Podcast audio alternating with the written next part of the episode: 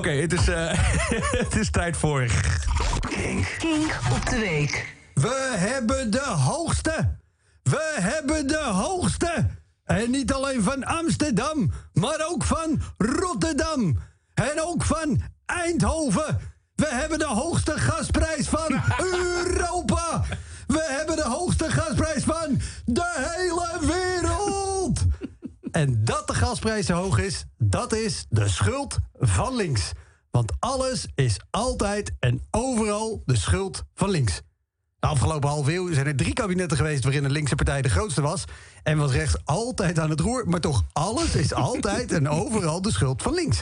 Yvonne Kolderweijer, die schaamteloos roddelt... de gouden journalistieke regel van hoor en wederhoor... aan haar laars lapt en goedkope meuk van AliExpress... in de eigen webshop doorverkoopt. De schuld van links.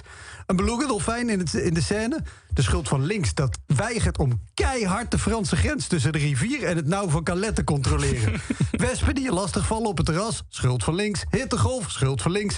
Doorverwijzingen op een website. Links. Je autosleutels kwijt. Terwijl je zou zweren dat je ze gisteren gewoon op tafel had gelegd. Want je legt ze altijd op tafel als je binnenkomt. Staan ze nog in je broek zitten? Dat lijkt me niet, want dan zitten ze nooit in...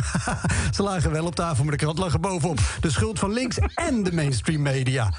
S'nachts niet kunnen slapen omdat je bed lijkt op één grote pritstift? Zeker de schuld van al die linkse drammers... die al decennia weigeren om maatregelen door te voeren... om klimaatverandering af te remmen. Een grote katachtige die in bergachtige streken en naaldbossen voorkomt? Links.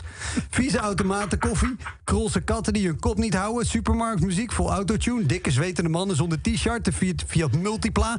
Het feit dat een tompoes onmogelijk op te eten is. Allemaal links. Wandelaars die aan de verkeerde kant van de weg lopen... omdat ze denken dat hun rug onzichtbaar is voor auto's en fietsers? Links. Met je laptop naar de printer lopen om te schreeuwen... Kijk, daar staat hij! Hoezo zie jij hem niet? De schuld van links. De onvermijdelijke reunie van Nick en Simon? Links. En die gasprijs, hoe zit het daar dan mee? Nou, die is aan de ene kant zo hoog omdat de gasprijs hoog is wegens de oorlog in Oekraïne. Overigens ook de schuld van links. En aan de andere kant omdat wij in Nederland de hoogste heffingen rekenen. In theorie zou de overheid op allerlei manieren in kunnen grijpen om de energieprijzen te laten dalen. Maar ja, dan heb je een kabinet nodig dat problemen oplost in plaats van veroorzaakt. En onze kabinetten zijn de afgelopen twaalf jaar rechts. En wie schuld is dat? Precies.